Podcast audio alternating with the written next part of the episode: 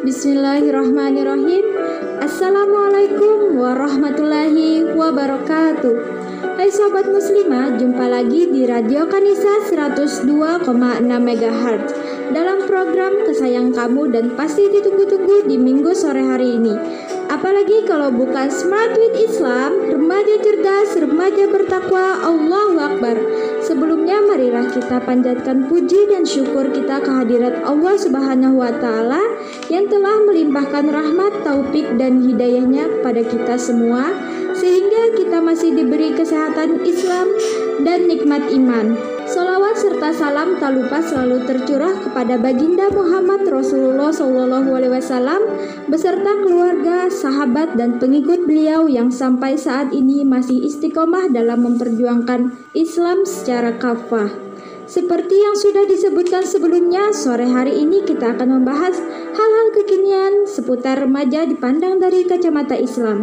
Jadi jangan cuma sekedar dengerin aja dan jangan malu-malu untuk mengungkapkan pertanyaan, mau komen, kasih pendapat, kritik maupun saran.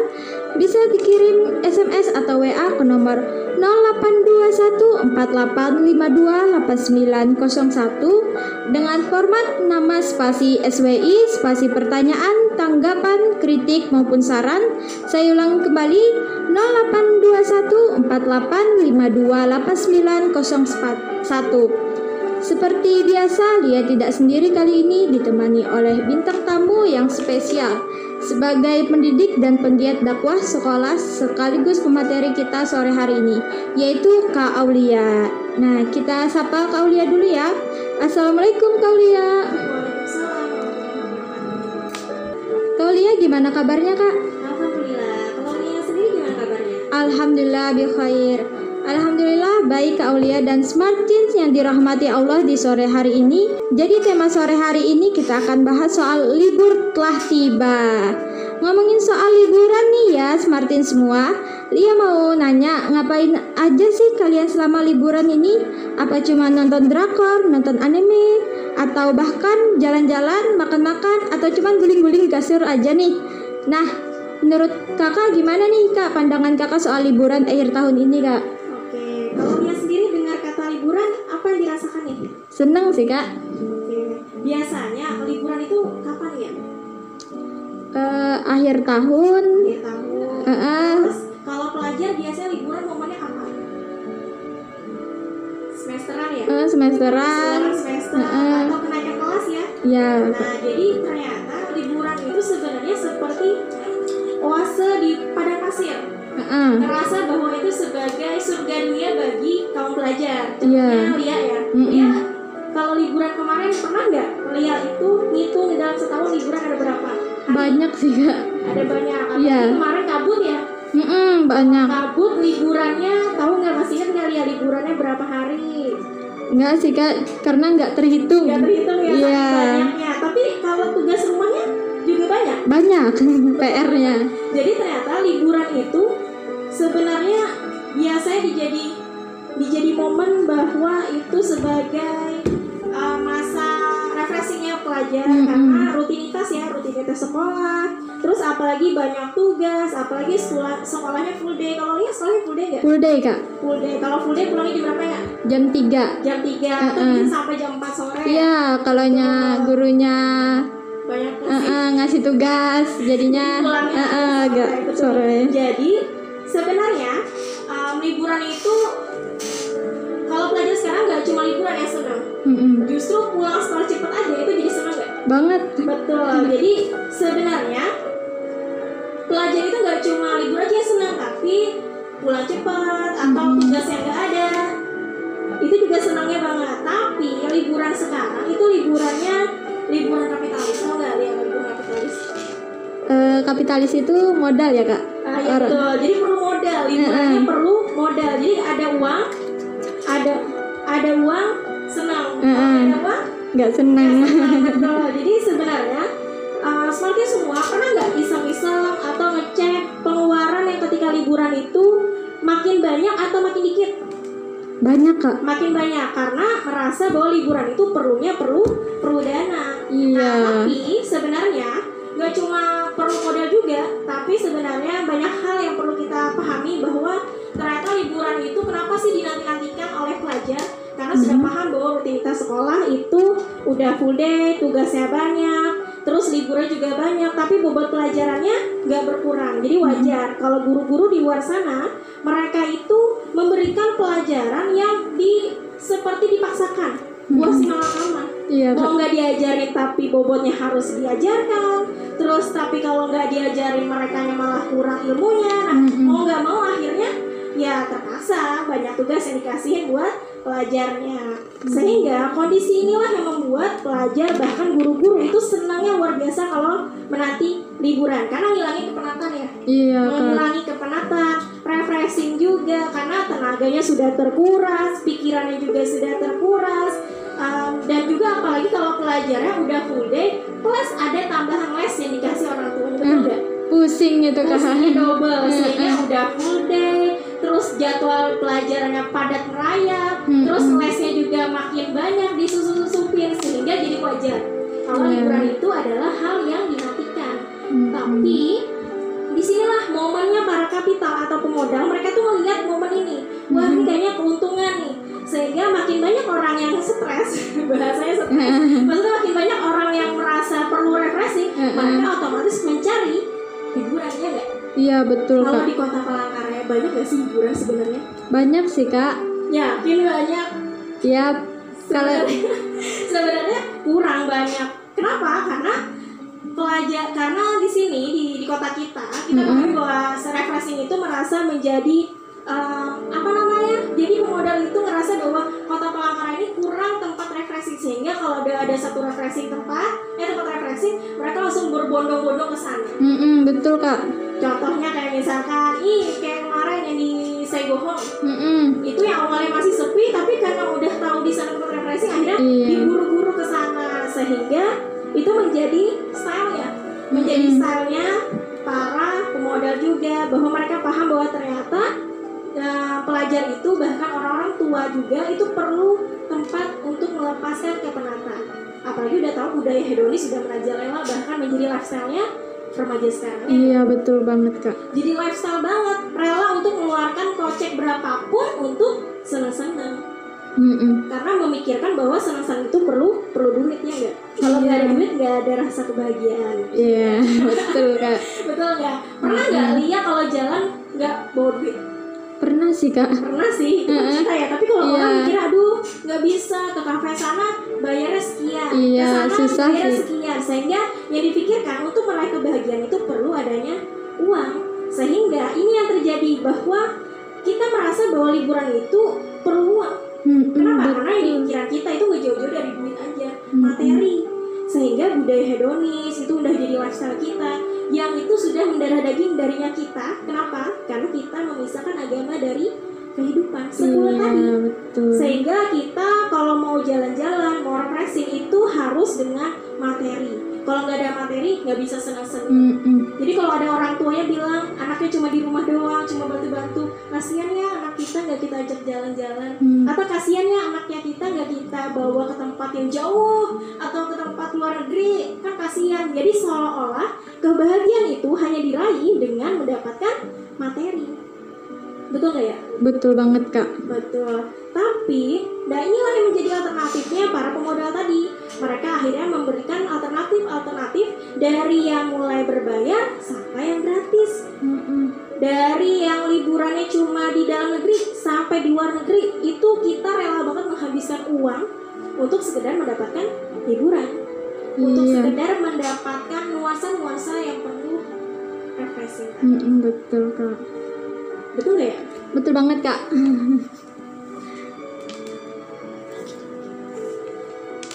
nah tapi tau nggak ya sebenarnya apa yang terjadi di tengah kita itu adalah bagian dari arus globalisasi sadar gak ya Sadar sih, Kak, Betul. karena ya karena kita kalau dulu liburan kita ke mana sih paling main-main inti di depan rumah atau betul. bahkan yang paling joroknya main parit main parit main hujan-hujanan. hujan-hujan tuh kayaknya Mm-mm. udah seneng banget Seneng Tapi banget, Kak. itu merasa kalau cuma kayak gitu tuh nggak seneng Iya. kalau kita dulu kok mikirnya itu seneng kalau Mm-mm. sekarang kok enggak ya karena tadi udah terbawa arus globalisasi sehingga remaja-remaja di luar sana termasuk Martin juga di sana udah termasuk em, terkena virus 3F tahu nggak Lia virus 3F itu apa? Apa tuh kak?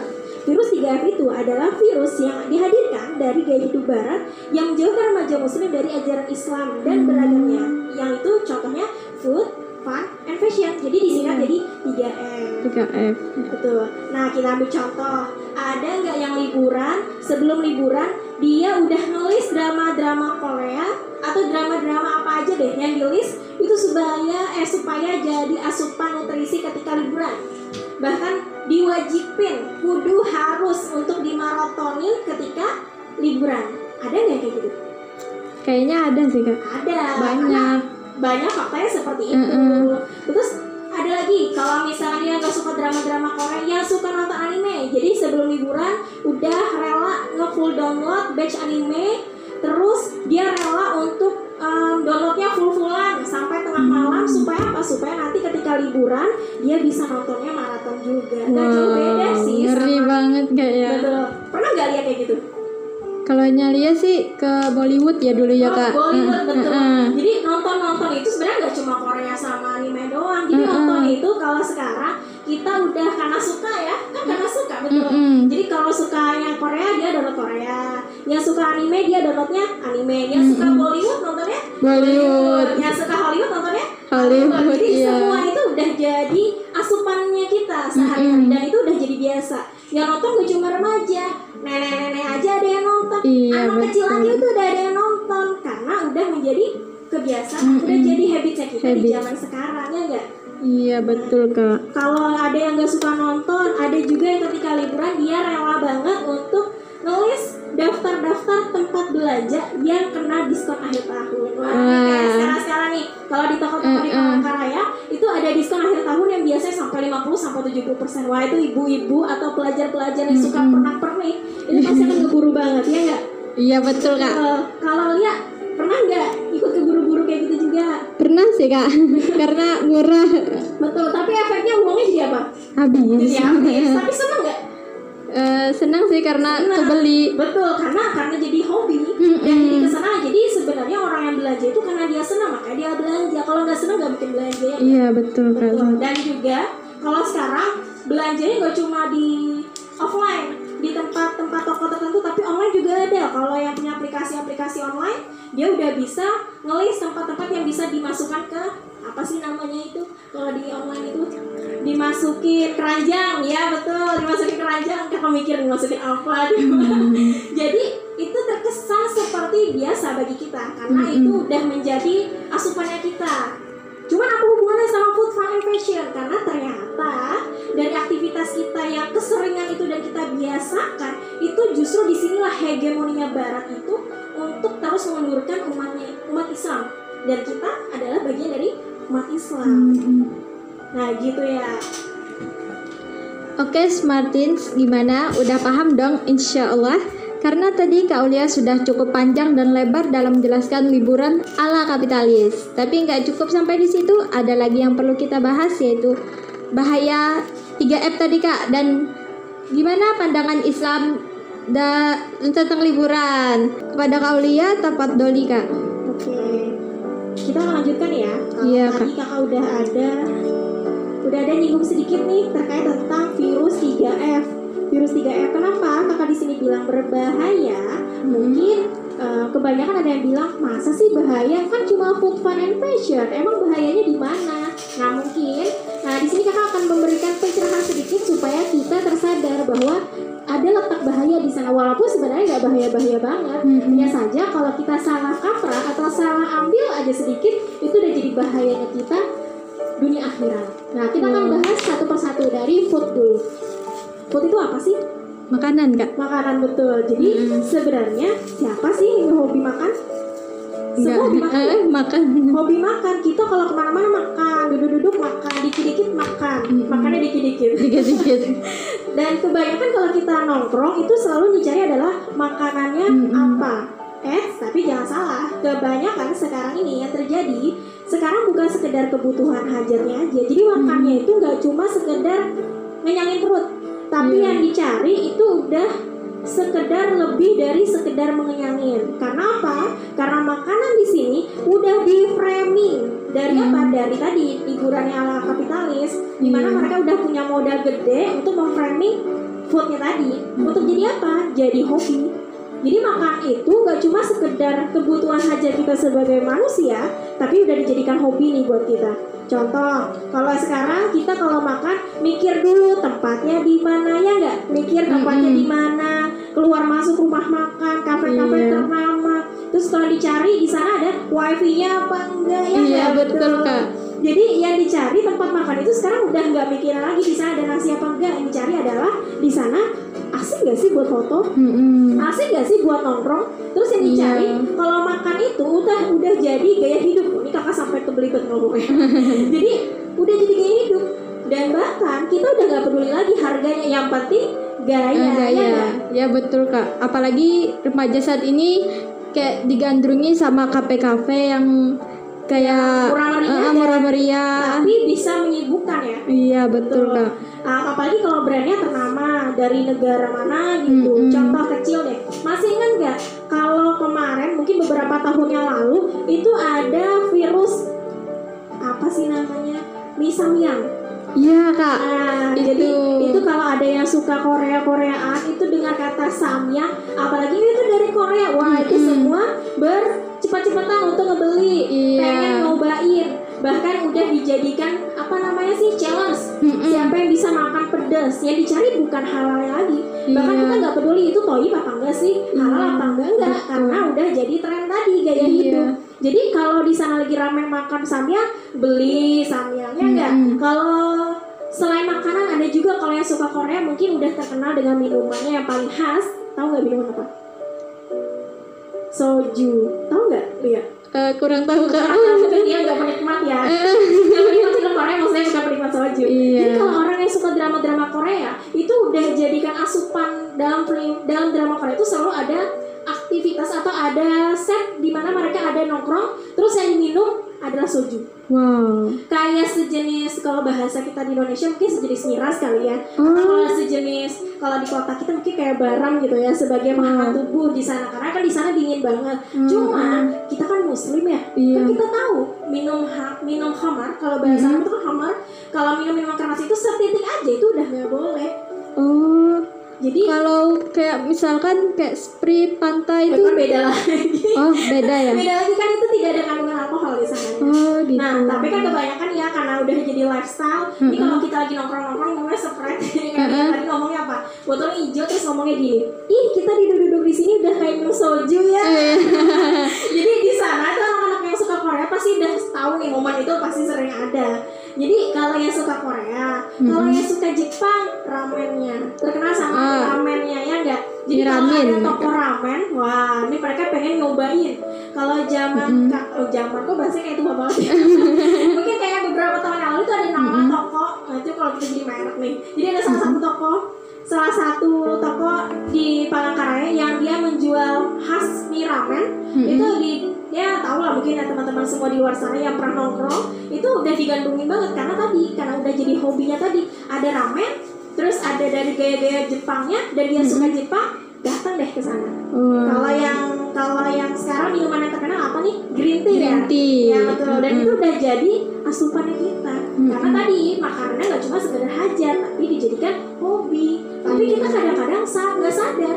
Bahkan kita bisa lupa sebenarnya yang kita makan ini halal apa enggak sih? Toyib Mm-mm. atau enggak? Yang kita pikirin cuma sekedar gaya sekedar trennya doang. Iya. terus kenyangnya. Jadi Mm-mm. kita nggak mikirin nggak mikirin itu halal dan toyib. Yang kita pikirin adalah kenyangnya gayanya duitnya. Mm-mm, Ya Betul kak. dan sekedar untuk di di upload Iya. udah di upload udah terus dia akan nyesal bahwa ternyata nggak enak ya Mm-mm. sekali tapi udah ada fotonya nah itu kan biasa anak-anak remaja pasti sering tahu Yang penting itu tempatnya sih kak. betul yang tempatnya. penting tempat makannya jadi Iya. sana nggak mikirin makanannya tapi lebih Mm-mm. kepada di sana em, gayanya tadi Mm-mm. kalau di Jakarta nih kemarin yang lagi isu-isu yang makan makan B2 Iya.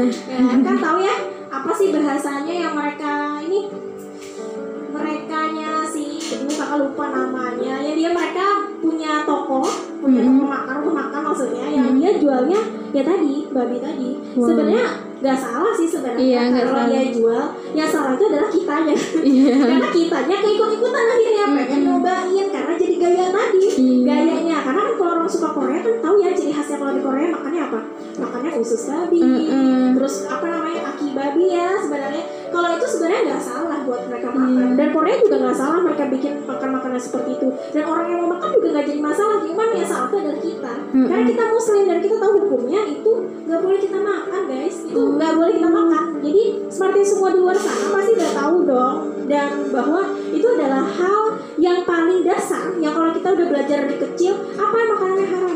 Babi.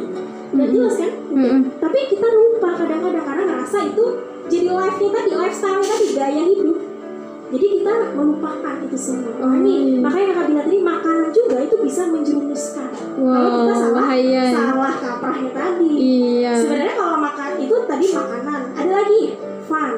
Mm-mm. Dia kalau dengar kata fun itu apa yang dirasain? Atau yang dengan atau yang lihat tahu kalau dengar kata fun? Eh kita fun yuk. Kita mau fun banget eh kita having fun yuk. Atau kita uh, pengen cari tempat yang fun fun apa nih yang lihat tahu kalau fun Ya bahagia-bahagia gitu bahagia ya. betul kesenangan Heeh, kesenangan. yang kalau kesenangan itu macam-macam ya kalau ada yang suka nonton tadi yang udah kakak contohin Mm. siapa sih yang nggak suka nonton dari Mm-mm. film yang genrenya anak kecil Iya. sampai yang dewasa itu udah terhidang di mana-mana.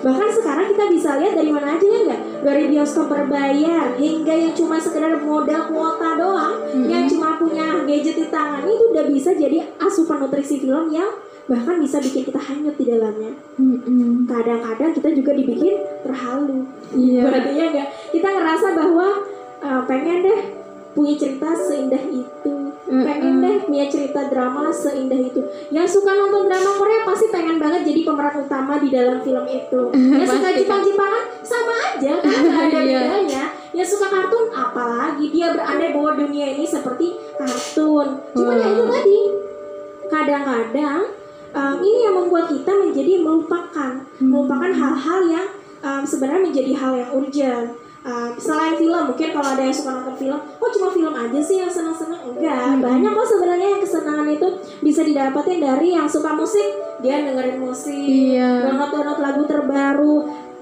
paling banter ke mana? Karaoke ya Karaokean, kalau sekarang ya, yang eh. menjamur karaoke dari harga yang paling Mm-mm. murah sepuluh ribu. Tuh udah Iya. bisa karaokean sepuasnya. Juga sih sepuasnya paling sejam ya. Sejam. Tapi itu udah bisa menjadikan melepas kesenangannya tadi melepas Mm-mm. melepas penatnya tadi dengan cara dia bersenang-senang dengan gayanya tadi. Yang suka olahraga dia olahraga. Dia suka jalan-jalan. Traveling Jalan-jalan. apa aja deh yang buat mengisi kekosongan hati Eh. mengisi kekosongan waktunya dia dan dia berpikir bahwa ih kita free nih hari ini gimana kalau kita cari kesibukan Mm-mm. kesibukan yang kita cari itu hanya sekedar sekedar Kesenangan. pelepas- ya kesenangan saat saat. karena merasa bahwa ada tumpukan pekerjaan yang kalau kita pelajar apa sih yang capek karena kalau Mm-mm. pelajar capeknya apa sih sebenarnya Cuman biasanya PR aja sih kak. PR kan Heeh. capeknya cuma belajar kan jadi kakak kadang-kadang kakak tuh juga gak habis pikir bahwa kalau ada pelajar yang ngerasa bahwa duh aku tuh capek banget. Aduh kakak tuh gak habis pikir. Emang apa sih yang dikerjain sampai dia tuh capeknya minta ampun? Padahal cuma duduk dan belajar. Mm-mm. ya enggak cuma duduk, Dengarkan. dengerin guru itu. Pun ya kali didengerin. Kalau nggak Iya. ngobrol sama temannya atau dia cuma asik sama selfie selfie doang itu mah namanya bukan capek itulah pelajar kita tuh kadang-kadang um, bahkan kitanya juga ya merasa bahwa itu adalah pekerjaan yang menurut kita melelahkan. Mm-mm. menurut kita pekerjaan kita atau rutinitas kita hari-hari itu adalah rutinitas yang melelahkan banget yang perlu kita refresh yang perlu kita cari kesenangan untuk menghilangkan kepenatan itu. Merasa bahwa persoalan kita itu adalah persoalan yang paling besar di antara jagat ya enggak Mm-mm, betul jadi kak. kalau kadang-kadang tuh ya itu tadi cuma gara-gara belajar aja tuh kayaknya capeknya minta pun padahal. Coba bayangin apakah masalah kita ini sebenarnya adalah masalah yang paling rumit? Enggak sih kak. enggak kan? Karena kadang-kadang kita mikir rumit padahal ternyata masalah kita itu nggak penting-penting banget sebenarnya. Ya Iya. nggak? Cuma cuma capek belajar cuma cari capeknya kerja cuma sekedar itu. Belum capek lahir batin. Kita cuma capek lahir doang batinnya belum capek Kenapa? Karena tanpa sadar kita dibikin untuk sekedar nggak peduli. Itulah hmm. yang namanya tadi kenapa fun itu juga bisa melenakan karena dengan fun tadi kita tuh kadang-kadang membuat diri kita jadi orang yang apatis tau nggak? acuh tak acuh dengan hmm, orang hmm. kiri kanan. Kita nggak peduli apa liberalisme kita. ya kak. Yang penting kitanya bahagia. Individualisme Betul, maksudnya. individualisme. Uh -uh. keliru ya kalau liberal. Uh, liberal, liberal kebebasan kalau individualnya tadi kita merasa bahwa itu kan bukan bukan kita juga ya. Nggak perlu kita pikirin lah yang kitanya bahagia, yang penting kitanya senang dan penting kitanya enjoy. Nah ini yang masalah sebenarnya, karena kita dibikin untuk tidak memikirkan orang lain. Hmm. Padahal di luar sana kita nggak sendiri. Iya. Ada saudara kita di luar sana yang perlu perhatian kita. Siapa saudara kita? Apakah saudara sedarah? Bukan. Saudara seiman kita. Kita paham bahwa muslim itu itu satu tubuh. Ibaratnya tangannya di mana, kakinya di mana. Tapi walaupun di mana-mana bagiannya tetap aja itu satu refleks. Kalau kakinya kena meja, apa yang terjadi sama mulut? Sakit. teriak Iya, teriak, nangis ya. Teriak. jadi kalau kaki kena meja yang mulutnya teriak matanya nangis tangannya langsung refleks megang kakinya nah itu yang terjadi karena tubuh tuh kayak gitu sebenarnya Mm-mm. tapi itu nggak terjadi sama kita jadi saudara saudara kita ini kan sebenarnya satu tubuh sama saudara kita di luar sana bayangkan bagaimana saudara kita seiman di luar sana? Apa yang dirasakan mereka? Betapa sedihnya hati saudara muslim di Uyghur. Fenomena yang terbaru dan itu jadi fakta terbarunya kita. Seperti di luar sana tahu nggak sih sebenarnya kalau di Uyghur tuh sedang sedang me- mengalami fase yang sangat luar biasa sulit? Banget sih kak dengar cerita-ceritanya. dengar videonya aja tuh kayaknya Mm-mm. luar biasa kebayang. Nih kita muslim pakai kerudung, terus kita ke bandara karena kita muslim terus kita ditangkap. Dan itu gak cuma hoax, itu udah jadi fakta bahkan ada buktinya. Bayangin betapa sedihnya saudara kita di luar sana yang dipisahkan antara anak sama ibunya, anak sama suaminya itu dipisahin. Kita masih mikirin yang itu itu aja. Iya. Apakah cuma itu? Enggak, masih ada lagi. Bagaimana pedihnya saudara muslim Palestina yang kita sudah tahu itu dari kapan pun itu masih dijajah sampai saat ini. Enggak berhenti. Bagaimana rudalnya Zionis itu menghancurkan rumah-rumah saudara kita di luar sana. Apa yang kita rasakan? Apakah kita udah masih sibuk dengan kesenangannya kita? Astagfirullahaladzim kayak merasa apa hujah kita ke eh, pada saat kita bertemu Allah gitu. Betul, karena ngerasa apa yang terjadi dengan kita sebenarnya padahal kita satu tubuh, nggak cuma Mm-mm. Palestina. Ada lagi bagaimana sakitnya rasa dingin yang dibuang mati rasa oleh saudara kita di Syria. Di Syria itu mereka mati kedinginan, mati rasa. Terus bagaimana lagi kebingungannya saudara muslim kita di Myanmar Rohingya. Mereka disiksa oleh pemegang Nobel Perdamaian. Yang di mana semua negara itu merasa bahwa nggak bisa bantu kan bukan negara kita. Ya Allah. Kasihan nggak saudara muslim kita luar sana? Luar Kasihan banget kak. Apalagi bagaimana ketakutan yang dirasakan oleh saudara muslim kita di India yang baru aja terjadi diskriminasi oleh pemimpinnya sendiri. Mereka bahkan dicap sebagai bukan warga negara karena mereka beragama muslim. Jadi sebagai warga negara India tuh nggak boleh beragama muslim kan? Luar biasa. Mau ke mana mereka kalau mereka bukan beragama muslim?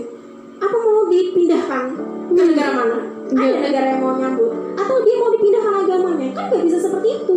Tapi itu yang terjadi sekarang. Dan kita sebagai muslim selama ini tidak peduli. Bahkan acuh tak acuh dengan permasalahan besar. Besar nggak menurut dia? Besar banget besar kak. banget. Jadi kalau kita bandingkan dengan permasalahan kita itu nggak ada nggak ada bandingannya. Kita cuma mana kita cuma lelahnya belajar, cuma lelah cari duit. Mereka lahir batin.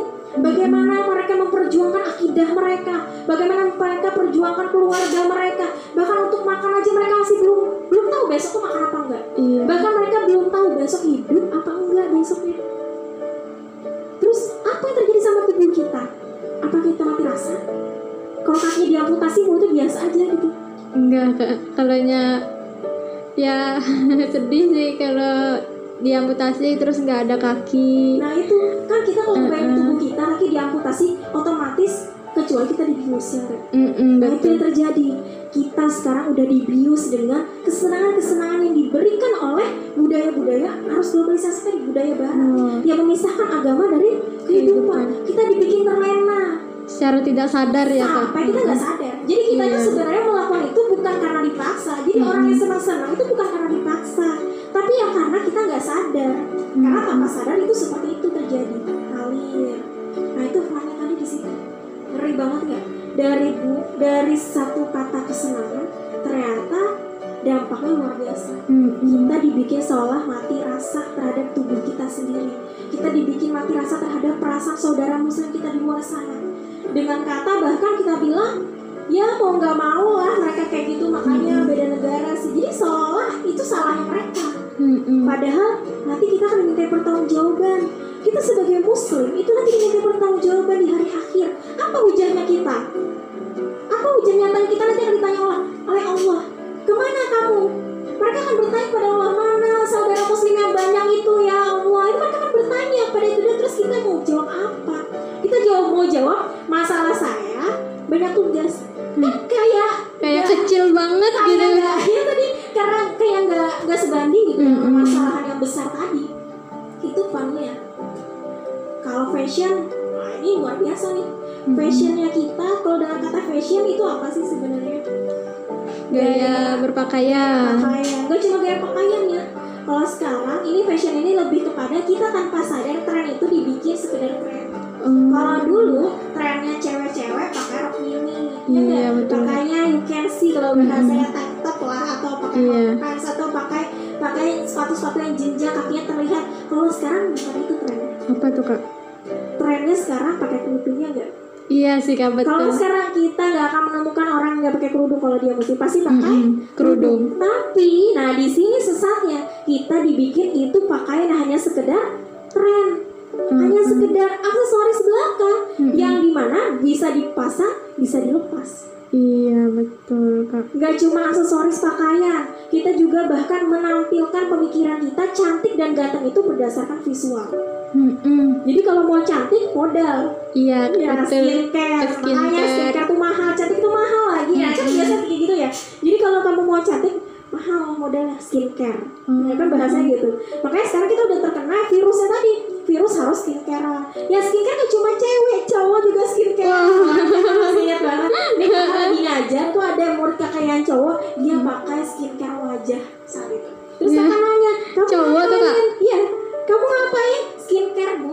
Tapi Ya. dia nggak, nggak, maksudnya nggak ngelambai, nggak. Maksudnya dia gentle, tapi dia kalimatnya adalah itu adalah rutinitas untuk menjadi ganteng yang menjadikan bahwa dampak yang terjadi adalah kita memikirkan memikirkan bahwa kegantengan atau kecantikan itu hanya dengan memperbaiki fisiknya aja. Mm-mm. Kak, mau nanya nih kak, skincare itu dari pandangan Islam itu boleh nggak sih kak? Nah mungkin nanti itu akan dibahas bahwa skincare ini tadi kita lanjut hampir mirip kayak makanan sih walaupun nggak kayak makanan. Mm-mm. Kita harus mikir dulu halalnya tadi. Oh. Jadi skincare nggak asal skincare harus Iya. tahu halalnya dan halal nggak cuma dengan label ya. Jadi jangan salah paham. Jadi ngerasa bahwa ah ada labelnya terus halal belum tentu. Jadi tetap harus gitu dicek itu ada kandungannya apa. Terus kira-kira toyib nggak buat kita atau buat apa nih? Nah itu kan kadang harus dipikirkan.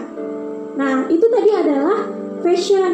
Nah di sinilah lewat fashion inilah Gozul Fikri tahu Gozul Fikri memerangi pemikiran. Jadi Pemikiran. perangnya itu gak cuma perang fisik. Kalau sekarang perangnya bukan perang fisik tapi perangnya pemikiran. Mm-mm. Yang itu tanpa sadar menuntun pikirnya Smarty di luar sana. Yang memikirkan bahwa pakaian itu hanya sekedar gaya hidup, sekedar aktualisasi karena kamu pakai gamis kamu cantik. Tapi tidak dipahami bahwa itu untuk menutup auratnya Mm-mm. dan tidak memahami bahwa itu adalah kewajiban laki-laki kayak gitu juga. Jadi kita nggak nggak dibikin untuk paham itu tujuannya apa, tapi sekedar dipahami itu sekedar gaya hidup. Dan inilah yang terjadi semua serangan pemikiran itu tujuannya satu agar umat muslim itu jauh dari Al-Quran dan As-Sunnah yaitu sumber kekuatannya. Mm-mm. Nah inilah yang harus kita pahami bahwa banyak hal. Kenapa sih sebenarnya itu bisa terjadi? Kalau dia pikirkan kenapa virus 3F itu mudah banget merambah ke semakin luas sana. Karena karena semakin tahun semakin tahun itu ya kak banyak kayak masuk modernisasi. Modernisasi ya. Jadi ternyata kenapa itu bisa terjadi? Itu penyebabnya adalah karena kita memisahkan agama dari kehidupan. Mm-mm. yang di mana itu kalau bahasa itu adalah bahasa sekuler Hmm. Kalau bahasa bahasa panjangnya tadi memisahkan agama dari kehidupan. Kita nggak perlu liburan itu bawa agama ya liburan liburan aja senang senang aja fun fun aja. Nah itu Hmm. itulah dampaknya tadi. Kita, akhirnya kita memisahkan agama dari kehidupan. Hasilnya apa? Yang dihasilkan liberalnya kebebasan. Bebasan. bebas beli makanan bebas senang-senang bebas foya-foya bebas ngambil-ngambilin duit. Bebas berperilaku bebas berpendapat bebas beragama bebas kepemilikan. Karena apa? Karena kepentingannya tadi. Mm-mm. karena dia kepentingan adalah sekedar untuk memuaskan hawa Nafsu. inilah bukti nyata bahwa ternyata berhasil. Arus globalisasi itu bukannya memberi dampak positif kita sebagai umat muslim ini bahkan membuat kita semakin jauh dari kadar mendekatkan diri kepada Allah dan inilah bukti bahwa produk kapitalisme ini mengagungkan uang ya enggak food Iya. fun fashion itu gak jauh-jauh dari uang karena standar kebahagiaan itu adalah materi bukan sekedar kebahagiaan jadi kita kalau mau bahagia ya bahagia sendiri Mm-mm. hambur-hamburin uang, senang-senang, libur-liburan, foya-foya, yang mau nggak mau itu yang terjadi. Mm-mm. Padahal kita setelah liburan apa yang terjadi? Balik nggak dengan rutinitas biasa? Balik, yang pelajar balik pelajar, yang ngajar jadi pengajar, balik. Nah maka dengan ini berhasil budaya barat dengan sekularismenya tadi mengarahkan kita kaum muslimin khususnya remaja di luar sana. Jadi sekularisme itu ternyata tanpa sadar mencabik-cabik hidup kita membuat kita tanpa sadar udah mencabik-cabik agama kita dengan sendirinya karena kita memisahkan agama tadi dari kehidupan. Menaruh mana maksudnya meletakkan agama itu di ruang sempit di ujung di lorong. Hanya di masjid aja agama itu digunakan. Kalau di luar nggak perlu bawa agama. Digunakan dalam waktu tertentu. Sehingga yang dipikirkan hanya untuk mencari kesenangan bukan untuk meraih kebahagiaan dan untuk meraih ketaatan pada Allah. Ini yang terjadi. Tadi kan udah kita bahas bersama. Liburan ala kapitalis, 3F dan kesenangan ala liber- liberalisme. Nah, sebelum itu kita mau baca pertanyaan dari dari Goziah. Assalamualaikum warahmatullahi wabarakatuh. Nama saya Goziah. Mau nanya nih kak, gimana nih misal misalnya ada yang tetap kekeh kalau nggak dengerin lagu, nggak nonton drama core, nggak nonton anime, nggak nonton film itu nggak bisa. Apa yang seharusnya kami lakukan ketika lagi penat atau stres kak? Nah, Mungkin em, pertanyaan itu akan terjawab dengan pembahasan liburan yang kakak akan bahas nanti ya. Kita kan tadi sudah membahas nih yang Mm-mm. terjadi ketika liburan dari 3M, ternyata bahaya banyak banget. Terus masa nggak boleh nih? Berarti nggak boleh nonton nih, nggak boleh makan, nggak boleh nggak boleh senang-senang, nggak gitu lagi. Jadi kita harus paham ya bahwa dalam agama kita Islam mm-mm, Allah berfirman dalam Quran Surah Ar-Rum ayat 30, Tetaplah atas fitrah Allah yang telah menciptakan manusia menurut fitrah itu. Tidak ada perubahan pada fitrah Allah. Nah, di sini Allah sudah mengatakan bahwa untuk melakukan segala sesuatu itu adalah berdasarkan fitrahnya kita. Dan kita paham bahwa Islam adalah agama fitrah dan seimbang. Jadi Islam itu menganjurkan pemeluknya untuk bekerja, juga berlibur. Terus liburan diperlukan untuk rehat sebentar, untuk kembali beraktivitas yang lebih berkualitas tapi tetap berstandar ketaatan kepada Allah. Jadi bukan untuk berleha-leha atau melakukan kegiatan yang sia-sia atau mengarahkan kepada kemaksiatan. Nah kalau terkait tentang drama Korea, nonton anime atau segala hal lah yang yang menurut kalian itu membuat kalian senang, pertanyaannya yang Hmm. kalian lakukan itu aktivitas yang mendekatkan diri kepada Allah atau tidak? Tidak kayaknya kak. Nah itu tadi sehingga standar kebahagiaan yang menurut kita sebagai umat muslim itu bukan standar kebahagiaan yang receh. Jadi Mm-mm. standar kebahagiaan itu bukan untuk sekedar berleha-leha atau melakukan kegiatan yang unfaedah atau liburan sampai berminggu-minggu menghabiskan seluruh waktu untuk having fun. Kenapa? Karena hal itu itu malah melemahkan kita untuk berpikir. Karena kita terbuai dengan kemalasan tadi belum lagi fisiknya capek, liburan panjang bukannya semangat buat balik ke sekolah, eh malah jadi males. Yang buat bangun pagi aja susahnya minta ampun, betul kan? Betul banget kak. Nah, dan Islam, agama itu sempurna banget yang kita cinta ini, mengatur sedemikian rupa agar kita sebagai manusia tetap hidup dalam fitrahnya kita, yaitu dalam kefitrahan, dalam habluminallahnya kita, bagaimana hubungan manusia dengan Allah, Mm-mm. habluminafsinya kita, hubungan kita dengan diri kita sendiri, Iya. atau habluminanas, hubungan kita dengan manusia lainnya. Mm-mm. Karena apa? Karena untuk melakukan segala hal yang fitrah tadi, Allah sudah memberikan panutan buat kita. Translator kita siapa sih sebenarnya yang paling kita jadikan suri tauladan terbaik? Nabi Rasulullah Muhammad. SAW. Nabi yang menjadi penuntunnya kita, Rasul terakhirnya kita, panutan kita sebagai umat manusia itu dia memberikan contoh bagaimana memanfaatkan waktu istirahat, berlibur di tengah aktivitas dakwahnya Rasul yang begitu luar biasa. Tentu remaja Martin udah tahu ya hakikatnya hidup kita itu dalam Quran surah Az-Zariyat 56 itu sudah dikatakan oleh Allah yaitu dan aku tidak menciptakan jin dan manusia melainkan supaya untuk apa kata Allah untuk beribadah oleh karena itu apa pun yang kita lakukan itu udah tujuannya udah jelas. Bernilai ibadah di hadapan Allah termasuk liburannya tadi. Jangan sampai liburan kita itu sekedar melepaskan penatnya kita melepaskan kejenuhan belajarnya kita dengan menghambur-hamburkan uang bersenang-senang ngebar nafsu atau bahkan liburan yang bahkan melalaikan ibadahnya kita. Kebayang ya liburan itu sekarang udah kebanyakan remaja. Liburannya udah free-nya aktivitas sekolah. Pengen juga liburnya free sholat Nauzubillah. Banget. Jangan sampai ya ini namanya bukan sengsara membawa nikmat, tapi sengsara dunia akhirat. Iya betul kak. Nah terus apa kita nggak boleh senang-senang nih? Enggak lah, jadi udah ada tuntunannya kita siapa? Rasulullah. Liburan bermakna ala Islam. Nah kalau semakin semua tuh pasti udah tahu dong kalau kita liburan gak mungkin lah melakukan hal-hal yang nothing atau melakukan hal-hal yang unfaedah karena kita paham liburan itu gak cuma sekedar hal yang unfaedah atau sekedar hal-hal yang receh karena kita paham tujuan kita itu hidup gak cuma liburan hidup aja termasuk liburan di dalamnya itu tujuannya satu menggapai bahagianya kita atas ridhonya Allah. Ya nggak kebayang kita santai aja tuh Allah ridho coba. Oh, Masya Allah banget kak. pengennya kan gitu sih Iya. harus paham liburan gimana yang diridhoi Allah.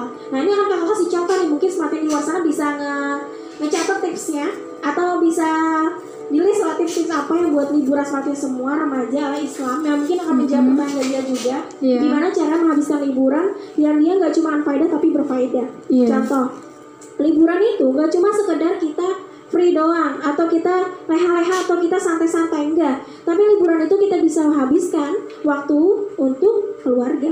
Pernah nggak kita berpikir bahwa orang tua kita tuh sebenarnya kangen lagi sama kita day Mm-mm. kita sekolah dari pagi sampai sore pulang-pulang les lagi pulang-pulang dengan tugas abrak. Orang tua tuh kangen lagi sama kita. Iya pengen kak. anaknya membantu di rumah, Mm-mm. pengen anaknya bikinin teh buat orang tuanya, wah itu kan pengen banget sehingga liburan. Itu harusnya dijadikan momen untuk berbagi dengan keluarga, baikin komuni- komunikasinya, banyakin ngobrol sama orang tua yang dulunya nggak pernah ngobrol, ketika liburan harus dikencengin ngobrolnya. Hmm. Itu yang pertama. Jadi liburan itu harus quality time bareng keluarga. Keluarga.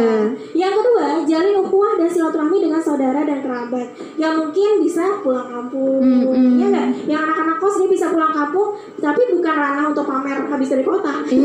Jadi dia pulang kampung itu jalin ukhuwah. Jadi dia pulang itu pengen silaturahmi dengan keluarga yang jauh. Jadi kalau mau pulang kampung nggak apa-apa sebenarnya asal niatnya untuk silaturahmi bukan untuk ajang pamer. Yang ketiga, mau meningkatkan kualitas diri remaja smart ini semua dengan untuk tidak menyia-nyiakan waktu dengan cara kajian Islam. Mungkin Iya. banyak ya pengajian-pengajian remaja sekarang udah di luar sana yang bisa digandrungin kok di mana aja, Mm-mm. bisa lewat online, bisa offline juga. Jadi sebenarnya remaja di luar sana kalau liburan harusnya charge imannya dengan cara banyak datang ke kajian Islam yang Kajian ketika sekolah Islam. nggak bisa, ketika liburan harus dikencengin. Iya. Atau yang keempat, liburannya dengan cara rihlah, tafakur alam. Jadi Iya. kita kalau mau jalan-jalan, lihat nih bagaimana Allah meninggikan langit. Karena Allah juga sudah berfirman dalam Quran Surah Al Imran ayat 190, sesungguhnya dalam penciptaan langit dan bumi dan silih bergantinya malam dan siang terdapat tanda-tanda kebesaran Allah bagi orang-orang yang berakal. Jadi sebenarnya kita jalan-jalan tuh gak cuma sekedar buang duit doang atau sia-sia, Iya. tapi jalan-jalannya benar-benar melihat gimana kok bisa sih di luar sana danaunya hitam atau Mm-mm. danaunya biru bagaimana Iya. bukit bisa berada di sana bagaimana langit itu ditinggikan bagaimana kok ke mana ada gerhana kok itu bisa terjadi nah itu dijadikan untuk Mm-mm. berpikir jadi liburannya nggak cuma sekedar unfaedah yang kelima liburannya charge ruhiyah dengan cara bisa memperbaiki takarub ilmunya kita yang awalnya ketika sekolah nggak bisa duha ketika liburan mencari duhanya tahajudnya Mm-mm puasa juga dikencengin. Jadi semakin di rumah, ini bisa dijadikan tips buat kalian liburan sehingga ini bisa memahami bahwa kita liburan nggak cuma sekedar melakukan liburan yang unfaedah, tapi bisa melakukan aktivitas utuh dengan seabrek kebaikan. Gunakan waktu sebaik-baiknya agar setiap nafas itu senantiasa berada dalam kebaikan dan menjadi penolong kita di hari akhir. Selamat berlibur, selamat memperdalam Islam, selamat menjadi dan tetap semangat ya. Masya Allah, luar biasa sekali ya. Oke, semoga pertanyaan terjawab ya untuk Goziah yang bertanya kita masuk kesimpulan nih. Untuk kakak Aulia, tepat doli kak. Oke, kesimpulannya mungkin remaja di luar sana harus memahami bahwa kita melakukan segala aktivitas itu harus paham bahwa kita itu nanti akan dimintai pertanggungjawaban bahwa kita hidup itu gak cuma sekedar hidup tapi dimintai pertanggungjawaban dari mana kita melakukan itu tuh dapat uangnya dari mana terus uangnya dibuat untuk apa Terus ketika muda, ketika liburan itu dihabiskan buat apa? Dan paham bahwa kita sebagai umat muslim itu aktivitas kita itu benar-benar dipantau terus oleh kamera yang gak pernah mati, gak pernah habis baterainya. Oleh apa? Oleh CCTV-nya Allah karena Allah selalu melihat kita dari segi mana pun. Hmm. Dan malaikat di bawah kiri kanan kita selalu mencatat aktivitas kita sehingga liburan kita benar-benar kita uh, komplit komplit apa sih bahasanya maksudnya liburan itu benar-benar dipahamkan bahwa liburan itu jangan sampai jadi liburan yang unfaedah bahkan bisa membuat kita jadi berat timbangan buruknya. Jadi kita meraih aktivitas kita senangnya itu gak cuma bahagia dunia tapi juga bahagia akhirat Masya Allah, luar biasa sekali ya pembahasan kita sore hari ini. Semoga aja Smartin di rumah bisa memahami apa yang sudah kita share hari ini. Jangan lupa di-share ke teman-temannya atas ilmu yang sudah kita dapatkan hari ini agar kebaikan itu tidak berhenti di kamu aja, tapi menyebar ke yang lainnya. Alhamdulillah tak terasa nih ya, kak kurang lebih udah satu jam nih kita menemani ruangan dengar dengar sobat Kanisa. Kami ucapkan terima kasih banyak buat Smartin semua yang sudah berpartisipasi dalam siaran sore hari ini. Terima kasih juga atas kerjasamanya Radio Kanisa sehingga siaran ini dapat terlaksana dengan lancar. Jangan lupa untuk terus mendengarkan siaran kami dalam program Smart with Islam setiap hari Minggu pukul 4 sore hari ini di Kanisa 102,6 MHz. Nantikan tema-tema berikutnya yang pasti bakalan menarik untuk kita kulik. Uh, terima kasih Kak Aulia. Kami berdua mohon maaf atas segala kata yang mungkin tadi menyinggung Smartin semua. Akhir kata, wassalamualaikum warahmatullahi wabarakatuh.